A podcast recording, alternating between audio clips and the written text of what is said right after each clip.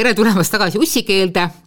ja tervitame siin kohapeal Keit Paju, kellel on puhkus ja tema asemel on mul juba tuntud armas asendusussikeel nimega Evelin Kivimaa hei, hei! juhhei, nüüd nõelame jälle natukene maailma paremaks ja tänaseks teemaks ma mõtlesin, et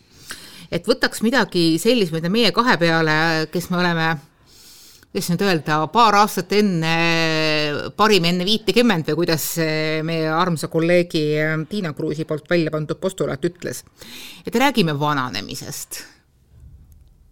Esiteks, mis asja, mis pagana parim enne viitekümmet, see on nagu maailma kõige jaburam väljend, ma ütleks seda, ma olen lugenud seda tema suurepärast artiklit, kuidas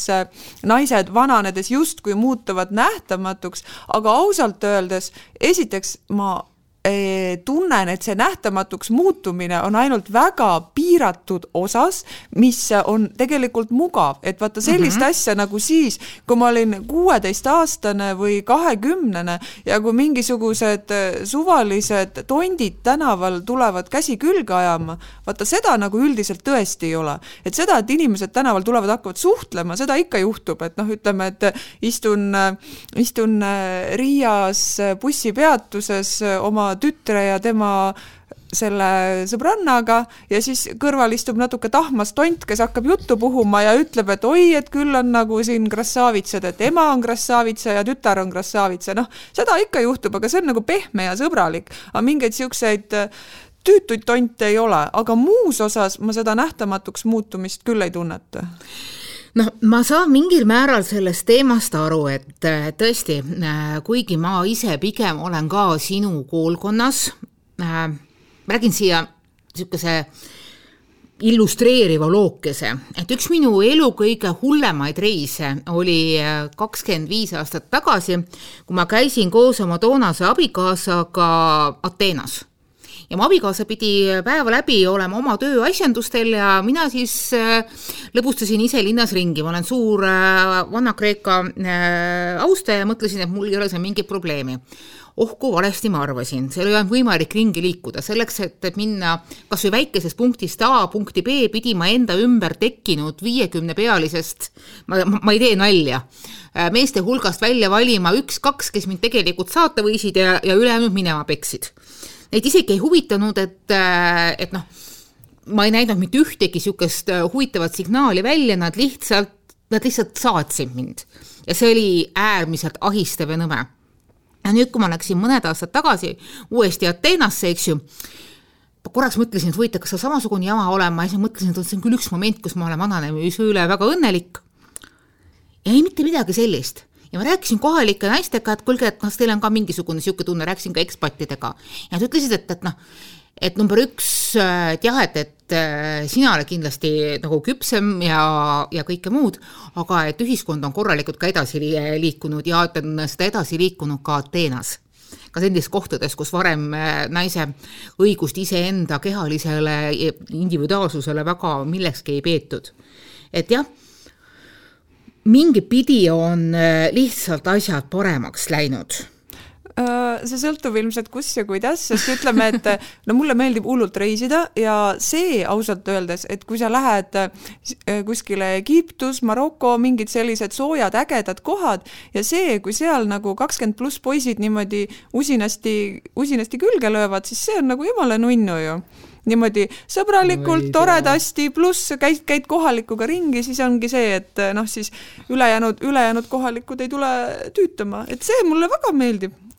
väike vahelduseks, et ütleme, et niimoodi iga päev niimoodi elada ei, ei jaksa, aga puhkuse ajal see, see, kui sa oled kõige, kõige kaunim ja ilusam naine maailmas, et seda niimoodi kuulata ja et seda hakkavad sulle kõik niimoodi rääkima, see on ju väga nunnu ja niisugune toonust tõstev, et ma arvan küll, et kui keegi leiab, et ta on nagu nähtamatu ja, ja mis iganes, siis väike selline puhkuselaks ja oled, oled nagu, no mine Egiptusesse ja sa oled pooleks aastaks laetud, noh, ja sa tead, et ja siis, kui hakkab meelest ära minema, et sa oled ikkagi kõige kaunim naine, siis siis noh, siis mine mõnele teisele maale ja kuula uuesti. no vot, see on see koha peal, kus mina ütlen, et ma ei ole sinuga eriti nõus, et, et äh, mulle meeldib kohalikuga ringi käia ja mulle meeldib kuulata nende lugusid ja arvamusi, muid niisuguseid asju, kui sellega ei kaasne mingisugust meeletut ja survestavat müügitööd, mis teatud kultuurides on paratamatu, ma saan aru, et sellega tuleb arvestada, et sellega tuleb osata minu poolt siis, kes ma olen ka ju maailma näinud ja kogenud ja os-, ja oman oskust äh, asju balansseerida, noh, nagu kuidagi diilida. Aga see enesearmastus tuleb ikkagi iseendal ära teha ei no ma armastan ennast niikuinii, aga selline väike boonuslaks ei tee üldse mitte halba, see on nagu lõbustav. kui ta piire peab, aga kui keegi hakkab sul näppe kusagile ajama, siis äh, eip. aga noh, ka selles osas äh, maailm liigub, läheb paremaks, meie enda piiritunnetus lähevad paremaks. aga sellesama nähtamatuse asjanduse juures, kui ma nüüd päriselt meelde, noh, nagu ma päriselt hakkasin nagu mõtlema, et jah, et, et mina pigem jah, tõesti ei tunneta seda niivõrd tugevasti ja kui ma tunnetan, siis pigem positiivsema poole pealt, et ma saangi nüüd rahulikumalt kusagil käia ja liikuda, ma ei tea, kas sellepärast, et ma olen nüüd kakskümmend viis aastat vanem või on ühiskond kakskümmend viis aastat äh, targemaks saanud, aga mõned aastad aastad tagasi hakkasin ma tähele panema ühte kummalist asja, et ma käin töö tõttu igasugustel veidratel üritustel kus on alati kohapeal erinevad fotograafid. nii ja nendel üritustel äh, on terve plejaad inimestest, kes ürituse korraldaja meelest ehk enamasti mingisugune firma või asutus tahab enda mingit üritust, kaupa, toodet, mida iganes pähe müüa, pähe määrida, et seal on alati ka niisugused seltskonnafotograafid. et kui sul on nagu vanema põlvkonna fotograaf, äh, siis on kõik külalised, kaasa arvatud Eesti väga nimekad vanemas keskeas daamid ilusasti üles pildistatud, aga kui on mingisugune noorem fotograaf, siis on pildistatud ainult äh, suunamudijaid ja modelle, kes kindlasti on väga tuntud omaenda nišis, aga daamid, kes on tegelikult Eesti moeajakirjanduse korüfeed, kes on oma valdkonna tegelikult spetsialistid, on jäänud täielikult äh, varju. et siin mõned aastad tagasi isegi oli, oli üks sotsiaalmeedia postitus, ma ei hakka nimesid nimetama, see vist nagu klaarus ära ja noh, ma tean, et tegemist on äärmiselt privaatse daamiga, kus kohas üks Eesti väga tuntud moeajakirjanik, väga särtsaka äh, iseloomuliku stiiliga äh, avastas, et äh, ühel moeüritusel ei olnud temast tehtud mitte ühtegi pilti. küll aga oli üle tema pea suumitud sisse kataloogi modellile, kes äh, oli oma ringkondades väga tuntud, aga mitte nagu laiemalt. aga kuule, võib-olla sa vaatad seda oma prisma läbi, aga kes teab, võib-olla need vanema põlvkonna fotograafid jätavad jälle pildistamata need kahekümnesed suunamudijad, kuna nad ei tunne neid ja, ja tunnevad kusjuures. okei okay,, siis on neil võib-olla seda staaži ja tunnevad nagu kõiki, aga see, et nagu tuleb inimene, kes on kahekümnene fotograaf, et ta peaks tundma neid, kes said kuulsaks siis, kui teda polnud veel sündinudki, noh, sa ei saa oodata, et ta neid kõiki korraga teaks. siis sa ei saa sellist üritust pildistada, siis sa pead enda inimesed endale selgeks tegema. no sa kuskilt ka... alustad, kui mina alustasin noore ajakirjanikuna ja sa ma läksin. endale inimesed selgeks? ei, ma läksin seltskonna üritusele, ma ei teadnud kedagi, vaatasin suurte silmadega ringi ja minust äh, kakskümmend aastat vanem fotograaf ütles, näe, see on see, see on see, kuskilt sa pead alustama, sa ei, sa ei pane inimest kokku niimoodi pildiga, et ütleme niimoodi selle järgi, et oh, nüüd meedias on pilt ja kes on seal parasjagu kohal, et see tuli niimoodi ajaga. alguses ma ka ei teadnud, see ei ole nii, et ma lähen seltskonna üritusele ja ma teen endale enne selgeks, kes seal on, ma ei tea, kes seal on, see tuli jooksvalt. aga siis sa teed seal üritusel kohapeal, sa ei tulnud sealt ära niimoodi, et sul ei olnud mitte ühegi korüfeega mitte ühtegi intervjuud tehtud? ei, ma sain need kõik tehtud ja no, see tuli siis. niimoodi. aga nendel jäävad pildid tegemata järelikult on see tegemata töö ja see on ka mingil määral sellesama ürituse korraldaja tegemata töö, ma olen, kuna mul on päris palju tutvusi äh, PR-valdkondades, siis ma olen sellele tähelepanu, tähelepanu juhtinud. kui te tahate saada võimalikult laiapõhjalist äh, kajastust ja ma saan aru, et te kõik need korüfeed on üsna kallid ja te tahate anda noortele juhendusi, siis tuleb alguses need noored võtta endale käe, käe kõrvale, näidata need inimesed ära, keda tegelikult ka peaks pildi peale panema ja, või siis pildistagu igaks juhuks kõiki siis on, on alati hea mõte, kui sul tegelikult ei ole väga suur üritus. jaa, aga ütleme, et vaata, kui sa räägid vananemisest, siis äh, minu jaoks äh, üks asi ikkagi on natukene jamps. üks asi on natukene jamps, et äh, tervis, täpsemalt see, et ma eluaeg olen arvanud, ma saan kõigega hakkama, ma suudangi kõike teha, ma käisin oli see nüüd aasta eest või paari eest, ma käisin seal Santiago de Compostela retkel, ma olen roninud mäe otsa, ma olen sukeldunud, ma olen teinud kõike, kõik on olnud tore, aga kui ma eelmisel aast-, eelmisel suvel Dubais läksin ööklubis tantsima koos oma toreda naiskolleegiga, kes on minust jupi noorem, siis mul käis sealt vasakust põlvest üks igavene jõnks läbi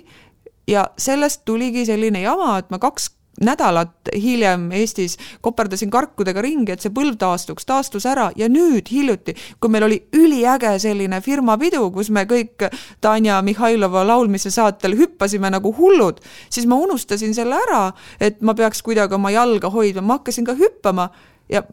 pagan, seesama põlvest käis mingi raks läbi ja nüüd ta on jälle valus ja nüüd ta on paistes ja nüüd hakka jälle taastama ja see tundus nagu nii alatu, et no mida paganat, et noh, et muidu hüppaks tead niimoodi tundide viisi, aga siis, no ma tantsisin edasi, aga siis oligi, et ma hoidsin seda jalga paigal ja nüüd on see jama. et ühesõnaga, kas siis minu arust ongi nii, et siis järelikult ongi see pigem nagu meeldetuletus ja äratuskell, et tee kõiki lollusi ja muidu toredaid asju senikaua, kuni sa saad ja kuni need sulle lõbu pakuvad, noh, sest pärast võib-olla tulebki mingi niisugune tobe tervisejamps ette no lõpus võime kõik mingit pidi, mingit pidi mingisugustes ratastes ja karkudes olla, aga aga täpselt seesama asi oleks võinud juhtuda sinuga kahekümneaastaselt no,. kui sa hüppad valesse kohta. näiteks mina olen endal kahekümneaastaselt äh, põlved ära jooksnud, sellepärast et ma tegin seda kõvasti ja valesti, vales kohas mm.. ja peale seda olen ma õppinud tegema paremini trenni, et ma oma liigesed saaksin hoida. sest samamoodi äh, spordivad, liiguvad, tantsivad, hüppavad ennast lahastesse noored ja see on üks asi, mis su vanem, vana, vanusega kaasas tuleb, et sa tead, et kus kohas sa enam ei hüppa ja kui sa ka hüppad, siis järgmisel päeval tead, et paned külma peale ja lähed õigel ajal arsti juurde. et see, aga noh, teistpidi jällegi see tervise asi, kui me enne saate algust rääkisime, et, et jah, on mingisugused äh, iseärasused, millega sa pead arvestama. arvestama pead seda, et suure tõenäosusega neljakümnendates sul hakkab nägemine halvemaks minema jaa, see mul on ka nüüd täiega, see on nagu nii tüütu, et äh, mingit pisikest kirja, mida enne loed ilma mingi probleemita. ja nüüd sa pead seda nagu vaatama valges ja uurima ja, või siis lähen lihtsama vastupanu teed, annan lapse kätte ja ütlen, et kuule, loe, loe mulle ette, noh. Ja... prillid, mu arm, prillid, on väga ilusad asjad, mulle väga prillid meeldivad. ei, mul miinus ei ole üldse suur ja mul ei ole neid, ma lasin need endale teha, kusjuures mingid prillid ja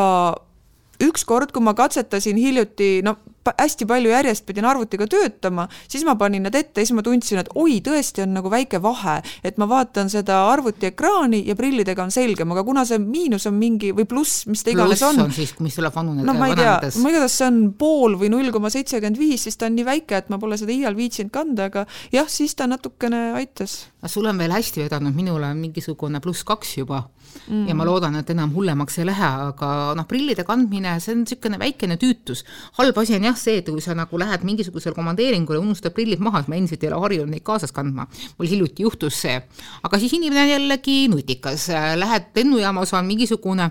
maha unustatud kilakolapood, kus sa saad endale osta igasuguseid naljakaid asju, alates hambaharjast, lõpetades sõna otseses mõttes teatud suuruseni pluss prillidega. ja seal oli veel valida raame, nii et, et ma sain endale paarikümne euro eest asendusprillid. et noh, väga kaua neid järjest küll kanda ei saanud, aga näed, ikkagi saab hakkama, et, et noh, minu meelest oluline ongi see, et, et sa iseennast ei paneks sinna nähtamatusse kohta või kui sa paned sinna nähtamatusse kohta, siis on see koht, kus sa tahad olla nähtamatu, sest mõnikord tõesti tahaks ise ka mitte nii väga silma paista, aga mitte muuta sellest, noh, mitte teha seda enda jaoks koletiseks iseenesest, sest alati mingisugusel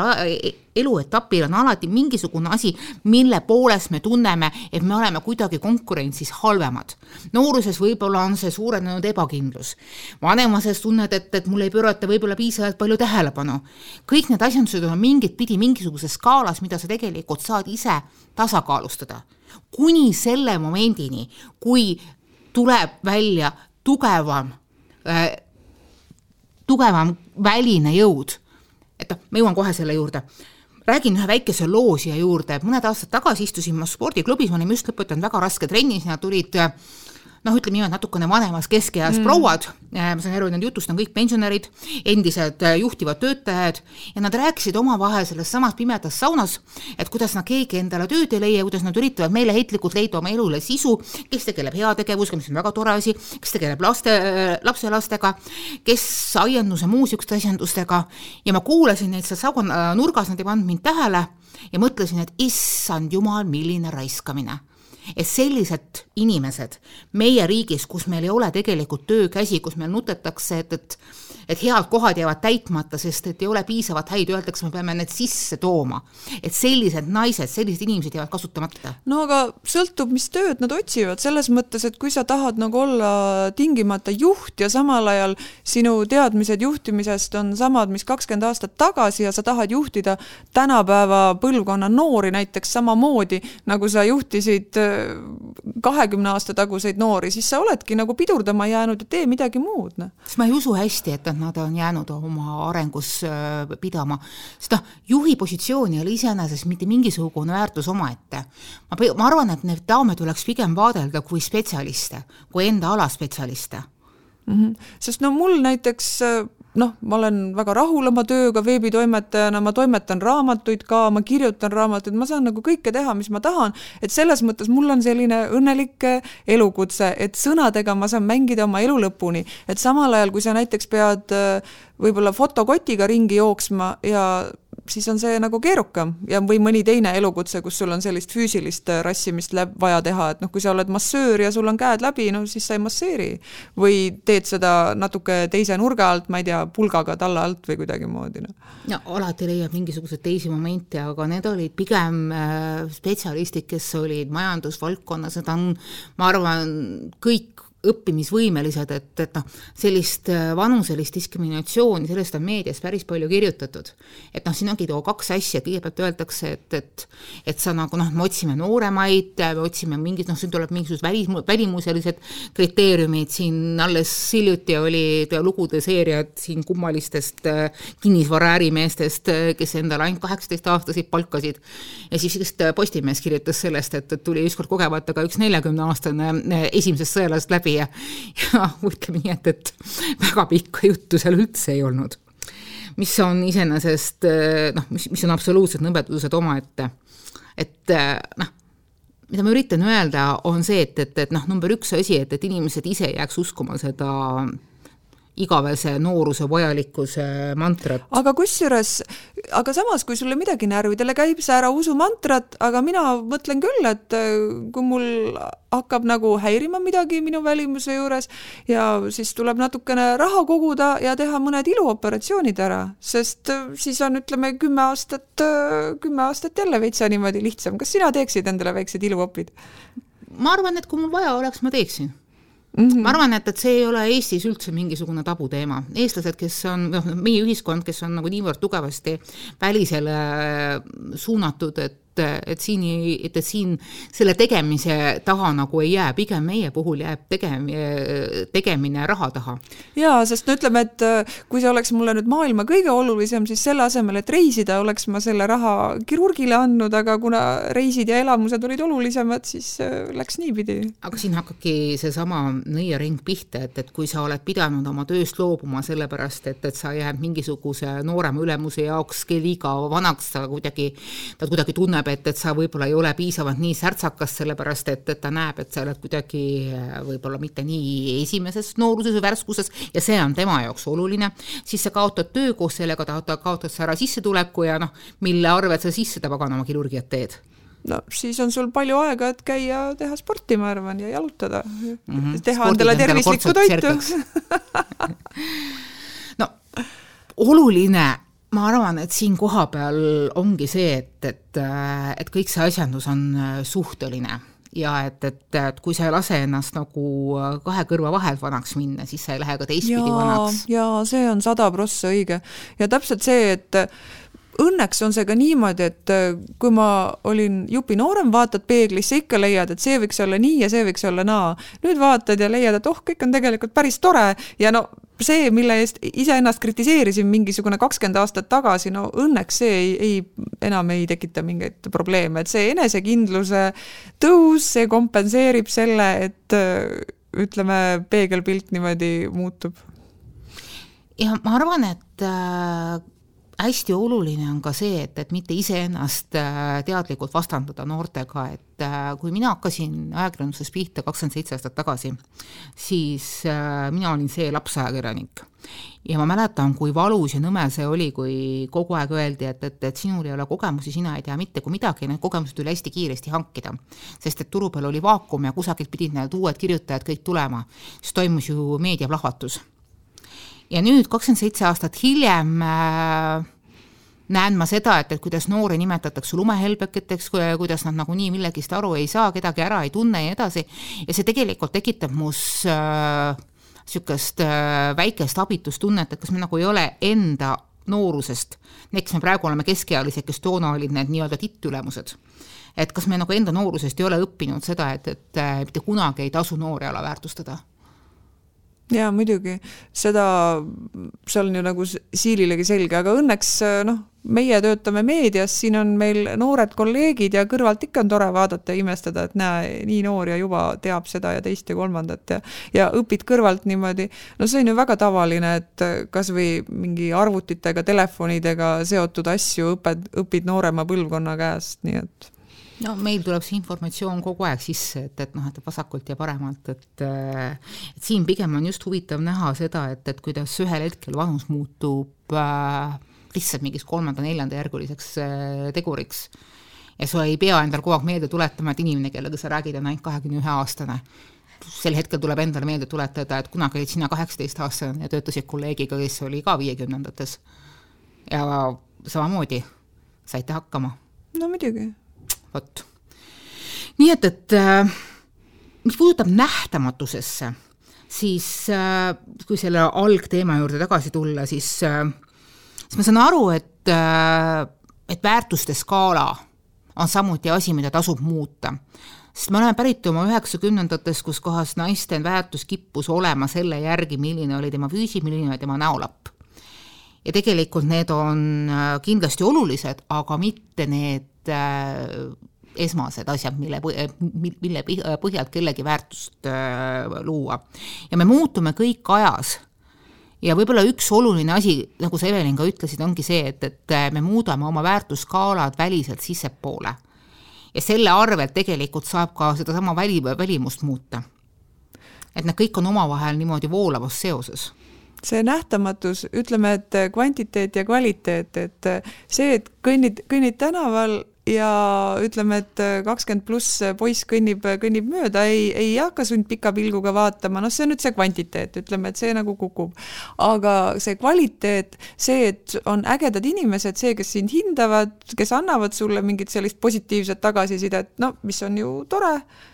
isegi, isegi kui sa oled nagu endaga niigi rahul, aga ikka niisugused väiksed toredad ütlemised on tore, on, on tuju tõstvad, siis äh, see ju ikkagi jääb, et selline kvalitatiivne nägemine säilib ja kui kvantitatiivselt see tähelepanu mõnevõrra langeb, noh siis seda lihtsam mm -hmm. kusjuures minu meelest on hästi oluline ka see, et, et, et kui sa oled sattunud sellisesse toksilisse keskkonda, kus kohas äh, väärtushinnangud on äh, selle järgi keegi kui nooruslik ja sile ja mis iganes äh, pandav välja näeb, siis sa ei pea selles äh, seltskonnas ennast tõestama.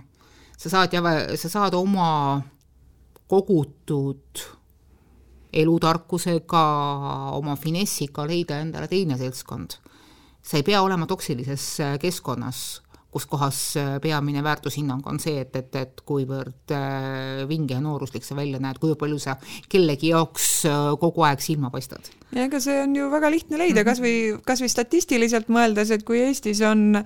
üle viiekümne aastaseid umbes nelikümmend protsenti, siis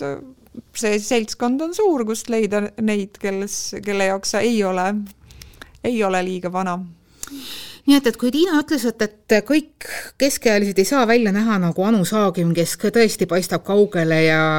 säravalt ja muud niisugust asja, siis ma arvan, et Anu käe, Anu käest võiks tegelikult väikest nitti võtta. me kõik ei pea muutuma Anu Saagimi kloonideks. see on võimatu ja ausalt öeldes ega väga ei tahaks ka. meil on kõigil oma stiil just. ja viiekümnendateks, kuuekümnendateks oleme selle stiili suhteliselt välja leiutanud ja on väga paljusid asju, mis stilistiliselt sobivadki natukene küpsematele inimestele. nii et, et äh, lõbutse sellega